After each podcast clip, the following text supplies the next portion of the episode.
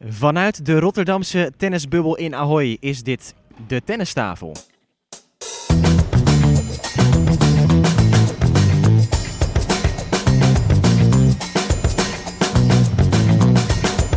Please take your seats quickly, ladies and gentlemen.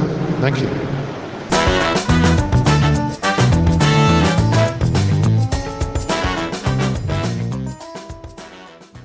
Ja, Stefan, eh, David, we zijn eh, toegelaten. We mochten naar binnen vandaag, want het was natuurlijk heel spannend. De eerste dag van het ABN AMRO toernooi. En dat eh, ja, is natuurlijk een toernooi als geen andere geworden dit jaar. Met fans die niet mogen binnenkomen, maar journalisten wel. En Stefan, jij hebt net als ik vandaag een nieuwe ervaring eh, meegemaakt. Hè? Een eerste eh, COVID-test. Nou, dat vond ik het spannendste eigenlijk van de hele dag. Dat we, of we naar binnen konden, dat, dat, dat geloofde ik wel. Want de accreditatie was op tijd binnen. Maar die Nou ja, als die, als die test negatief was, of, of Eh, positief, positief. ja. dan was het een negatief verhaal geworden. ja, dat klopt. Ja. Ja, daar had ik niet zoveel twijfels over dat ik zou slagen. Maar wel de, hoe die diep die in mijn neus ging. En Zo. eerlijk gezegd, ik, ik heb dat nog niet gedaan, dus, hè, zo'n COVID-test. Dus ik ging thuis al een beetje oefenen Ja. met een wattenstage. dus ik ging eerst rechts. Dan Nou, moest je wel zo drie aan elkaar vastmaken. denk ik? Ja, zo diep ging ik niet. Maar rechts ging je niet, dus links ging ik wat dieper. Dus ik had al een voorkeurs gehad.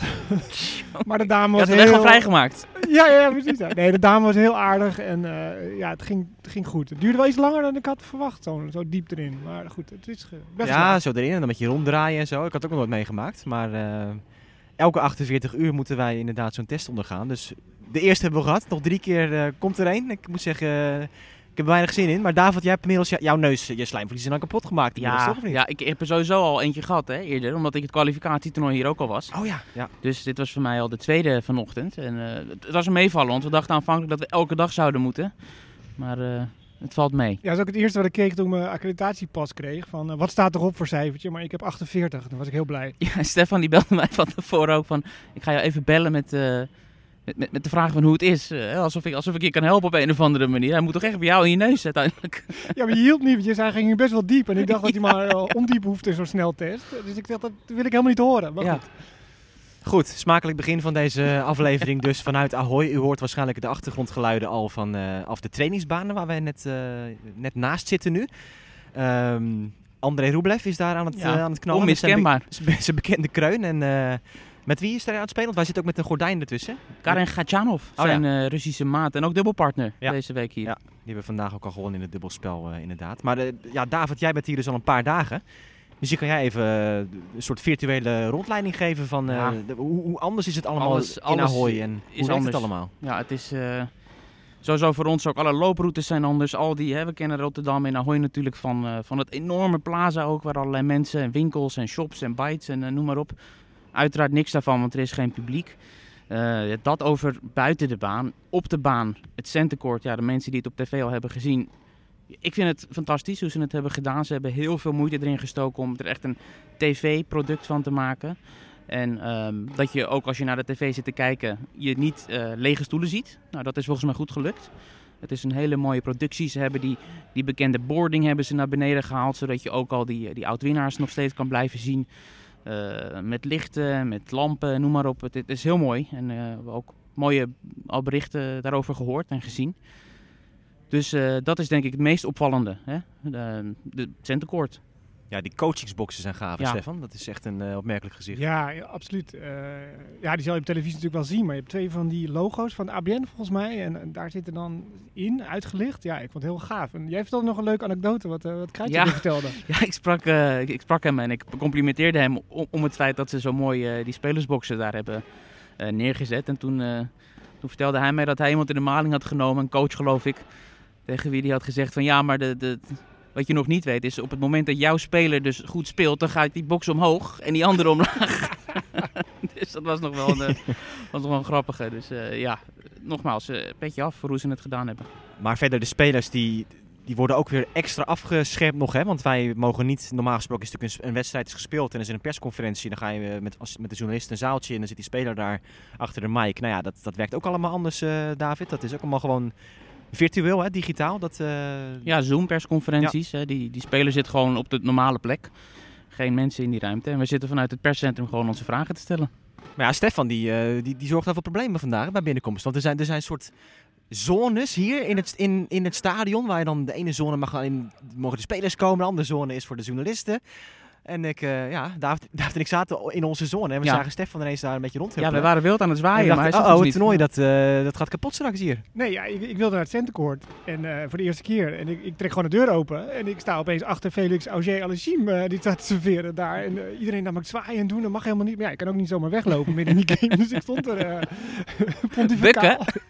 En ik loop op een gegeven moment door en dan komt Henk Koster, de bekende fotograaf, die komt met, ja Stef, je, staat in de gele zon, dat mag niet, jij bent blauw. Eh, dus ik gooi het hier een beetje in de war, Eh, sorry jongens. Nou goed, het is, eh, het is allemaal goed gekomen. Ehm, ja, David, het toernooi zelf natuurlijk nog altijd een geweldig deelnemersveld. Er zijn een paar tegenslagen geweest. Hè? Ja, Nadal uiteraard als grote trekpleister die niet is, is gekomen. Maar we hadden vanmiddag al een eerste kraker. Kenny Shikori tegen Felix Auger Aliassime, finalist van, van vorig jaar. En ehm nou, wat ook, ook een verrassing gelijk, hè? want eh Auger Aliassime die werd uitgeschakeld. Had ook ergens last van, hè? een beetje fysieke problemen met zijn werd knie of zijn eh, lies of zo. behandeld. Maar ja, dat veld wat je zegt, ook zonder Nadal, is natuurlijk waanzinnig. We hebben Medvedev vandaag, het was mediadag ook, gehoord daarover. En hij zegt, ja, volgens mij is het het sterkste ATP 500 eh, schema dat ik ooit heb meegemaakt. En dat nog inderdaad zonder Nadal en zonder een aantal Berrettini bijvoorbeeld, die hier ook niet kwam. Er waren nog veel meer top 10 spelers die zouden komen.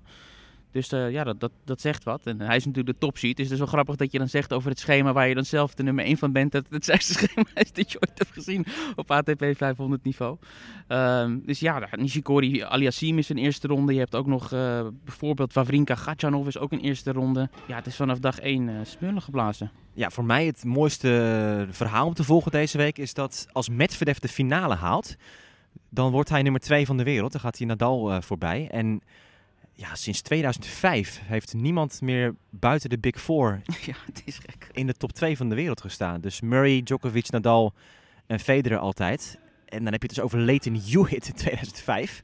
Zelf trouwens winnaar. Wat was het, 2004 volgens mij? Ik zie wat posters hangen. Eh, ook zie wel Elfie Hewitt, rolstoeltennisser, die won hier vorig jaar. Ja, won volgens mij in 2004. Echt een ander tijdperk heb je het dan over. Dus dat, dat kan Medvedev ineens gaan doorbreken. Ja, wat verwachten we ervan, eh, jongens? Het is natuurlijk gewoon de grote favoriet om dat inderdaad te gaan halen, die finale hier. Ja, je denkt natuurlijk aan wat hij hier eerder heeft gedaan.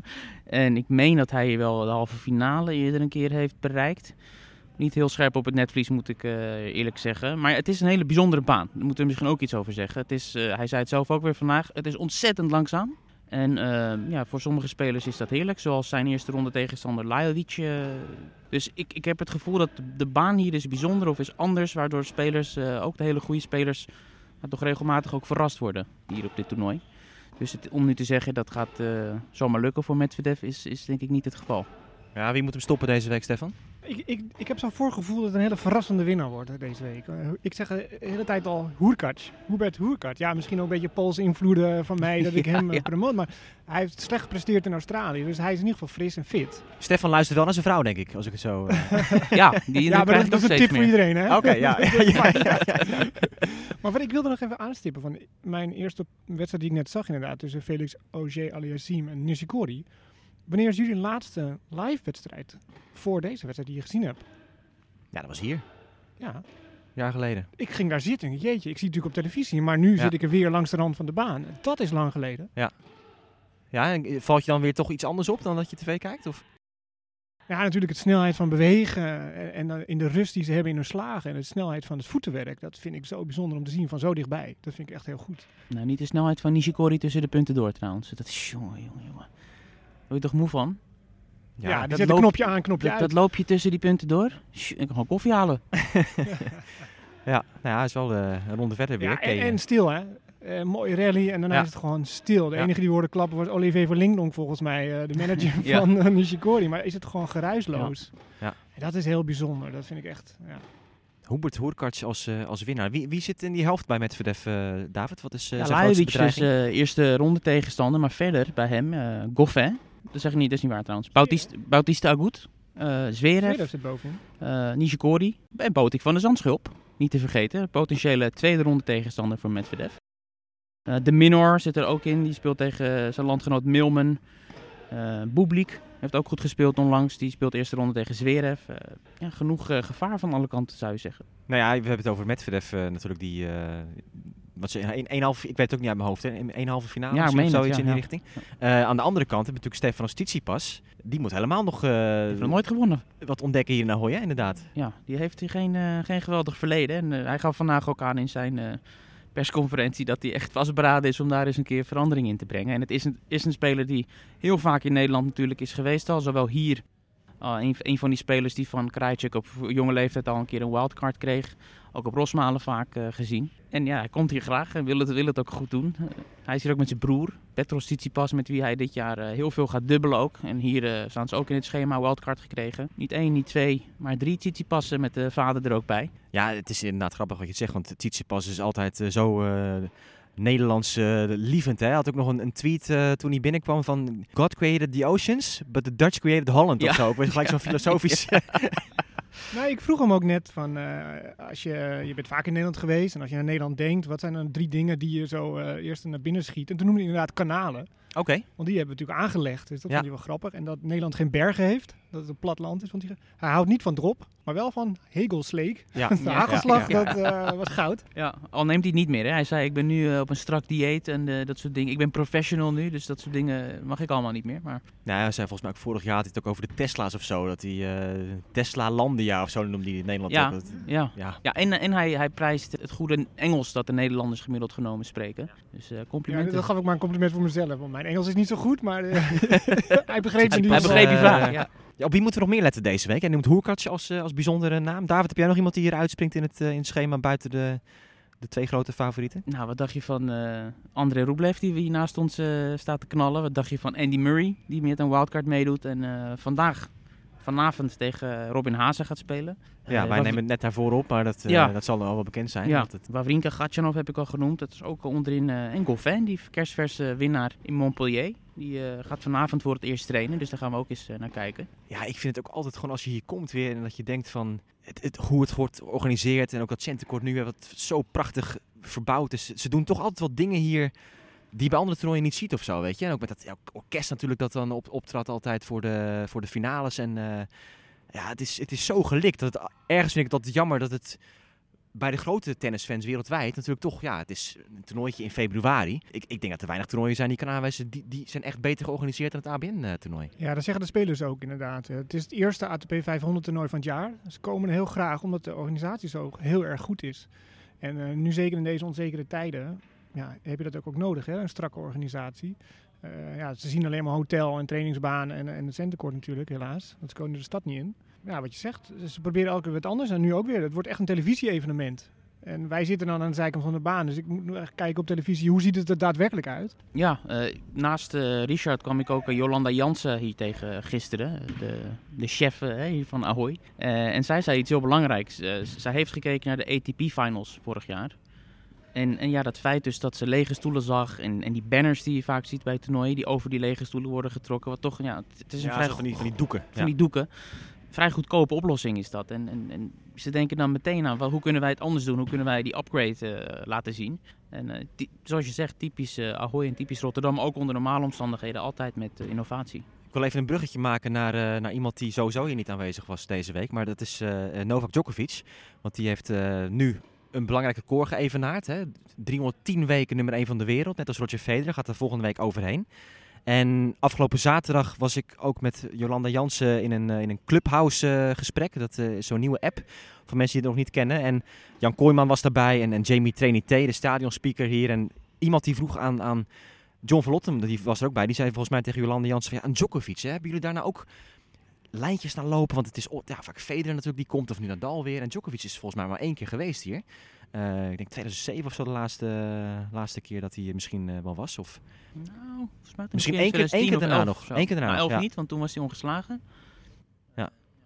Maar in ieder geval, ja, dat, daar hoor je natuurlijk heel weinig van. En eh, ja, ja, we hebben wel contact mee. Maar ja, het is eigenlijk wel vrij snel altijd horen we van ja, het past niet in zijn schema. En ja, Djokovic die, die speelt niet zoveel in februari. Als hij doet, Hij die- wint natuurlijk altijd de Australian Open, dus eh, Ja. dan neemt hij even rust. En Dubai is natuurlijk wel eens eh, aanwezig. Eh, maar iemand wilde ook wel weten van hoe zit het nou met, met, met die startgelden? Hè? Van, eh, ja, je weet natuurlijk Federer en Nadal, ja, daar moet je flink voor, voor betalen om die naar het toernooi te kunnen halen. En is, is Djokovic, is dat, ja, is het vergelijkbaar? Is het eenzelfde Zelfde soort, zelfde soort tarief inderdaad. Hè. Echt, echt, nou ja, moet je denken aan een miljoen euro wel. Eh, iets in die richting. En Jolanda Jansen, die zijn wel gelijk van, nee, nee, nee. nee. Dus, dus een Nadal en een Federer, die, die gaan toch echt gewoon voor veel meer worden die gewoon eh, gestrikt. En dan een Djokovic. En toch opvallend ergens, toch? Of niet? Inmiddels. Het, nog, het is nog steeds dat het zo is. Ja, maar er wordt toch- toch gekeken naar eh, populariteit bij het grote publiek. Waar verkoop je meer kaartjes door? En dat is dan toch Federer en Nadal. Die zijn toch nog populairder bij het grote publiek. Dat zal ook altijd zo blijven, denk ik. Kijk, het blijft entertainment hè? en het blijft eh, heldenstatus. En, en, en ja, wie de meeste fans heeft, wie de meeste mensen op, het, op de tribunes krijgt. Ja, het gaat veel verder dan alleen maar tennis. Hier Ja, ook. zonder wat, meer. Wat, wat de spelers ook doen hè, voor, voor het publiek en het vermaak en zo. Ja, maar daarom zeiden we ook, ook in, een paar jaar geleden met, met Serena Williams en met Maria Sharapova en zo nog. Toen, toen iedereen speelde, wie waren de, de grote sterren en publiekstrekkers van het internationale tennis? Dan waren het Federer, Nadal, Serena Williams en Maria Sharapova. Dat was de grote vier, om het zo maar te noemen, qua populariteit. En eh, ja, goed, Djokovic valt daar gewoon buiten en nu nog. Maar ja, een, een, Medvedev of zo. Kijk, dat, als je nou naar het veld kijkt hier, stel er mochten fans komen. Voor wie zouden de fans nu echt een kaartje kopen, denk je? Dat je niet zegt, ik kom naar het evenement, maar ik, ik koop een kaartje voor die en die speler. Ja, ik denk Tsitsipas. Ja. Andy Murray. Ja. Wawrinka. Nog Robin steeds, Haase? denk ik ook wel. Ja, Ja. ik denk dat Nederlanders ook belangrijk zijn voor een toernooi in Nederland. Ik, ik, denk, echt- ik denk echt dat een Tsitsipas er al bovenuit steekt. Ja. Gewoon voor, voor mensen met kinderen. Ik denk echt dat Tsitsipas daar echt een, een, een symbool al voor is. Ja. Ja goed, wij, wij zitten in het social team. Hè. Hier, wij, wij werken hier in Rotterdam deze week. En eh, met, die, met Instagram en Twitter en noem maar op, dat soort dingen. Daar eh, gaan wij over. En, en wij zien in onze posts op het moment dat we het over Tsitsipas hebben... Ja, dat slaat gewoon veel meer aan dan, eh, dan eigenlijk elke andere speler. En het was ook met handtekeningen afgelopen jaren volgens mij. Dat Ja. was als Tsitsipas een handtekeningen sessie deed of, of het was bekend hij traint zo laat. Ja, rijen van hier tot daar en iedereen wilde, iedereen wilde Tsitsipas eh, zien. En, en ja goed, en, en Medvedev, die gaat ook zo'n probleem hebben denk ik de komende jaren. Dat, dat hij niet echt een, een, een sterrenallure heeft of zo, toch? Of denken jullie er anders over? Nee, ben ik wel met je eens. Ik denk dat Medvedev buiten de baan niet zo bekend of niet zoveel Maar hij is wel leuk. aantrekkingskracht heeft. Hij is wel leuk. Het is meer denk ik de, de manier waarop die Ja, maar het is heel subtiel natuurlijk bij hem. Je moet hem echt, Ja. echt kennen, dat je, weet, je Ja. weet van, oh ja, zo steekt hij in elkaar. En met gekke uitspraken of gekke reacties. Ja. Of, Ja, maar Medvedev kan hier gewoon over de kool single lopen, denk ik. Zonder dat hij iemand een fotootje van hem wil. Maar als Tsitsipas het doet, dan eh, denk ik toch dat hij eh, aangeklampt wordt door her en der. We gaan het niet weten dit jaar. want eh, dat gaat komt er niet. Ja. Nee, nee. Nee, nou ja, goed, het wordt in ieder geval weer een, eh, een mooi weekje hier eh, in Ahoy. Ja, jij zegt Hoerkars echt als, als Ja, winnaar? nee, misschien gekscherend. oké. Ja. Maar ik heb toch het gevoel dat je soms heb je, dat, heb je zo'n fantastisch mooi veld en dan gaat Ja. er iemand met de hoofdprijs vandoor van je totaal niet verwacht. Nou, Monfils is het niet trouwens, hebben we nog niet genoemd, die tweevoudig titelverdediger. Ja. Eh, nee, ik denk het niet. Maar ik, ik hoop ook wel met Medvedev of Tsitsipas. Dat zou een geweldige droomfinale zijn natuurlijk. Eh, misschien moet het ook nog even hebben over Botik van der Zandschulp en zijn loting. Is niet heel slecht. Ja, we hebben het niet over gunstig of ongunstig. Maar ik denk dat hij tegen Choric echt wel een goede... Echt wel mee kan. in die rennen. Ik ben niet zo'n Choric-fan. Eh, als hij gewoon hard kan timmeren op die voorhand van, eh, van die Kroaat. Ja. Zie ik het wel gebeuren hoor. Ja, ik- ja. Jij niet, David. Dus. Nou, ja, als Nou ja, Choric- als hij van Gatjanov bijna kan winnen, dan, eh, dan, dan is het ook niet, eh, niet onmogelijk. Ja, toch? maar Choric kan natuurlijk als geen ander eh, extra balletje terugbrengen. ja, dat is waar. Ja. Hè, dan moet je wel heel secuur blijven timmeren. Ja. En ook dat extra balletje. Ja. Dus ik, het, het is geen lekker, ook trage baan, hè, als het echt zo, zo traag is. Ik wil ook nog wel even aangeven dat het is toch wel bijzonder dat ze ook het rolstoeltoernooi hier natuurlijk gewoon organiseren deze week. En ook gewoon weer met, met de grote sterren die daarop afkomen. En ja, dat, ik, ik vind het echt uniek. Want het toernooi, ze zei volgens mij echt al een half jaar geleden van nou, wat er ook gebeurt, wij gaan gewoon door volgend jaar. En als je bijvoorbeeld kijkt naar een Indian Wells of zo, ja, die, dat, gaat, dat wordt gewoon geschrapt. Zo'n groot evenement. Eh, ja, andere toernooien ook. Het is vrij laat allemaal. Gaat het door ja of nee? Mhm. En dat ze dat toch hier allemaal gewoon zo, zo kunnen organiseren. Ja, dat, en, en gewoon die commitment al hebben. Ja, volgens mij zei ABN in oktober al van... eh Ja, daarom. daar gaan Ja. voor. En het eh wheelchair tennis toernooi hoort bij het toernooi. Ja. Dus het is niet een apart dingetje wat we eraf kunnen knippen. Nee, Nee, precies. het hoort gewoon van het toernooi. Dat vind ik heel sterk. En, en zelfs een US Open vorig jaar, die, die hadden eerst het wheelchair gewoon losgekoppeld. Hè? Dat was... eh, Ja, die hadden er niet eens over nagedacht. Nee, Dat was Nee. gewoon huh? helemaal vergeten eigenlijk. nee, dus dat, dat geeft ook aan, want daarin is, is ABN wel gewoon een leidend toernooi wereldwijd. Gewoon buiten de slams is dit gewoon echt een, eh, zo'n beetje de topweek voor die, voor die eh, spelers. Ja, en iedereen wil spelen omdat het Paralympisch jaar is. En er zijn niet zoveel toernooien voor die rolstoeltennissers. Dus Nee. het is eh, heel, heel sterk hier. Ja, en het is natuurlijk het, het kindje van Esther Vergeer, die, Precies, eh, ja. die er ook weer bovenop is nu. Het ziekte achter de rug. En zij staat hier gewoon weer eh, aan de leiding. Genoeg over het eh, toernooi of zijn er nog Nou, dingen die... ik- eh, ik- wat ik wel heel leuk vond, ik hou van eh, de trainingsbanen. Daar ben Ja? ik eigenlijk wel heel vaak te vinden. Misschien soms al meer dan langs het centenkoord. En eh, het is hier een mega grote hal. En er liggen daar drie, vier trainingsbanen op een rijtje met een hekje eromheen. Ja, ik vind het fantastisch. Ik heb net een paar eh, setjes gekeken van de dubbeloefeningen. nou, ik vind het echt fantastisch. Hier achter ons waar Rublev staat is eh, baan 1. Er wordt ook straks gewoon wedstrijden op gespeeld en ook rolstoeltennis. Maar daar verderop een hele grote hal en dan liggen daar vier van die baantjes. Ja, ik vind het wel gaaf. Ja, ja ik ook zoals jij eh, heb ik gisteren bij die baan gestaan. En eh, op een gegeven moment met z'n vieren op één baan aan het trainen. Uh, Gatchanov, Rublev met uh, Hurkacz en Choric. Met z'n vieren tegelijk. En daarnaast staat dan... eh, eerst was het Zverev die met uh, aan het trainen was. En die werd dan afgelost door Tsitsipas en Murray die samen gingen trainen. En, en dan Murray die eventjes de, de, racket, rackets van Zverev pakt. En het vergelijkt met zijn eigen rackets. Van, wat is het nou precies het verschil? Ja, nee, ik neem toch mijn eigen racket. Tsitsipas die met de hele familie aan komt zetten. En het is toch, toch altijd wel leuk om, om te zien hoe die spelers buiten de baan tijdens trainingen en dergelijke met elkaar uh, omgaan. Ja, en ik zag net, uh, ik was net de hele tijd te kijken bij uh, Medvedev. Die was met zijn coach aan het trainen. En die coach speelde korte slijsjes aan. En dan moest Daniel moest het meenemen naar het net met een slijsje. Oh, dat is waar het vaak misging tegen Djokovic. nou ja, in die finale. Dus ja. dat is heel specifiek trainen. Ja. Dat hij met die, hij is natuurlijk hartstikke lang, dat, en een dubbelhandige backhand, dat hij dat slijsje dan meeneemt of rechtdoor of cross naar het net. En ah, dan moet ik volley. Het is heel specifiek aan het trainen. Dat was gewoon een soort van drill, weet je. Er staat gewoon een, ja, wat je op de tennisclubs ook wel ziet. Gewoon een trainer staat met jou te drillen uit een mandje. En dat, ja, dat gebeurt hier natuurlijk ook gewoon. Dat is wel gaaf. Jullie maken veel mensen jaloers, denk ik hoor. Veel luisteraars die uh, al deze mooie details natuurlijk niet kunnen meemaken uh, dit jaar. Um, nou, hopelijk over een paar maanden in Rosmalen weer. Hè. Dat is ja, de hoop dat we daar misschien toch wat fans kunnen krijgen. Maar dat zal afwachten blijven. Um, wat er verder op tv nog te zien is, is natuurlijk ook Kiki Bertens. Want die gaat ook weer spelen deze week in, uh, in Doha. Tja, na vijf maanden afwezigheid uh, de rentree van, uh, van onze nummer 1. ja, veel over gezegd natuurlijk. Achillespees Achilles operatie gehad. Het is allemaal goed, goed gegaan. En ze, is vandaag begonnen tegen Ostapenko. lekker ritme opbouwen, hè, denk je dan meteen. Bij de, bij de Letse die natuurlijk ja, niks heel laten van de bal. Goed, geen, geen verwachtingen toch, lijkt me. Ik denk dat ze gewoon rustig aan richting het, uh, het greffelseizoen zal gaan toewerken. En dat ze dan daar hopelijk weer op, uh, op haar oude niveau misschien wel uh, kan zijn. Het is echt één groot vraagteken hoe het met Kiki zal gaan de komende weken. Ja, opvallend genoeg speelde ze de laatste wedstrijd van, van het seizoen op de WTA-tour ook tegen Jelena Ostapenko. Ja, Toen gaf ze op in de derde set. En daarna natuurlijk nog Roland Garros, wat een ITF-evenement is. En nu de eerste wedstrijd op de WTA-tour is weer ook tegen Ostapenko. Ze is al heel vroeg naar uh, Doha afgereisd om daar uh, te gaan trainen uh, vorige week. Omdat ze in Nederland natuurlijk alleen maar indoor kon trainen op hardcourt.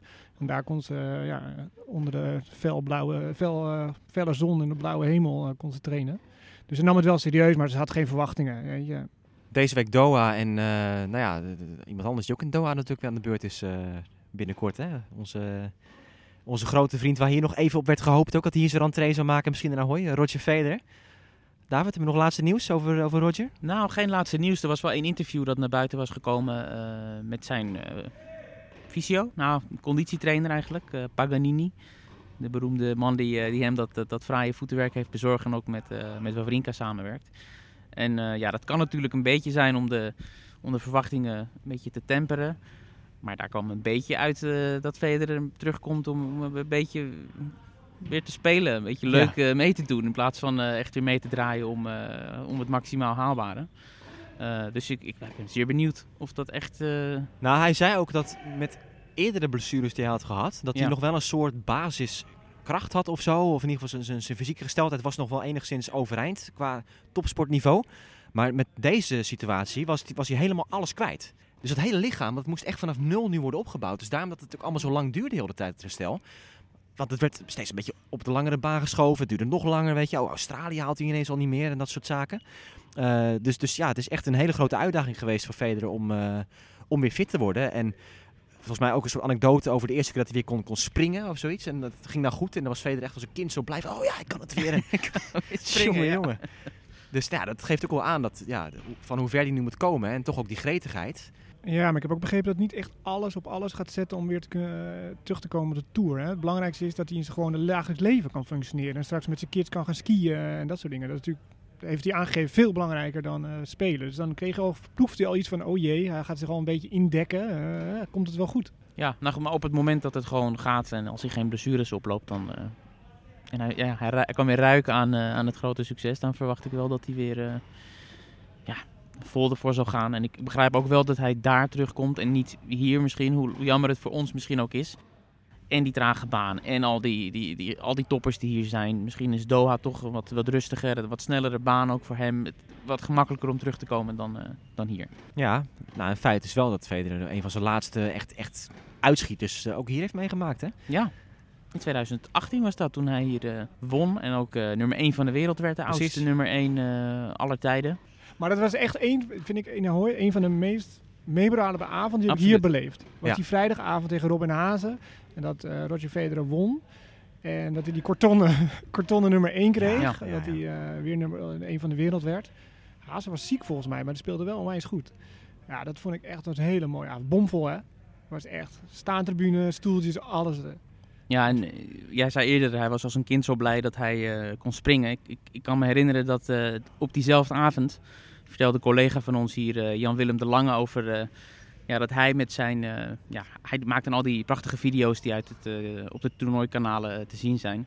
Hij zat met zijn werkplek naast de kleedkamer van Federer. En hij kon een beetje meeluisteren met hoe dat beleefd werd in dat kamp. En hij hoorde die Zoom-gesprekken met zijn kinderen. En ook als een kind zo blij van hè, dat, dat het prachtige moment dat hij weer nummer 1 is eh, geworden. Ja, en als verrassing was die Severin Looting, die was in eerste instantie niet bij. En die was als verrassing overgekomen die avond. Ah ja, ja, en ja, die ja. ging ook die kleedkamer in. Dat was echt fantastisch, ja. En volgens mij moest hij die nacht moest hij ook nog reclame opnemen daarna of zo. Voor, Ja, eh, voor ja, Mercedes, dacht Klopt, ik. ja. Ja. Ging die s'nachts ging hij nog in de, in de garage in Rotterdam eh, in Mercedes rijden. Ja. Dat is toch niet te geloven? En eerder die week eh, hebben wij hem nog een tennismagazine gegeven waar hij op de cover stond. eh, met 20. 20ste Grand Slam. Ja, en dat was heel relaxed. Hè? Nog een tijdje met hem staan praten. En hij zegt van, eh, ah, het is natuurlijk een Nederlands magazine, eh, kon niet lezen. Jawel, mijn moeder is eh, Zuid-Afrikaans, dus die gaat het misschien wel een beetje kunnen lezen, het Nederlands. En die ouders, die eh, heb ik vernomen, bewaren alles. Alle magazines, alle spulletjes en zo die ze aangereikt krijgen. Alles wordt eh, gearchiveerd. Oh, Oké, want ik heb hem al jaren geleden, toen hij met de Davis Cup was in Amsterdam, heb ik hem ook een eh, magazine gegeven waar hij op de cover stond. niet dat het voor hem heel speciaal was, meer voor mij dan voor hem. En nu weer. Die hebben dan een heel, eh, zo'n heel, heel all-safe warenhuis hebben ze voor zichzelf eh, afgehuurd, denk ik. Als ze al die eh, alles bewaren. Ik weet niet, maar Ja, elke dag heb je toch eh tien bakken ja, vol. ik, ik- ja, goed, dat verzin ik niet. Wie zei dat nou?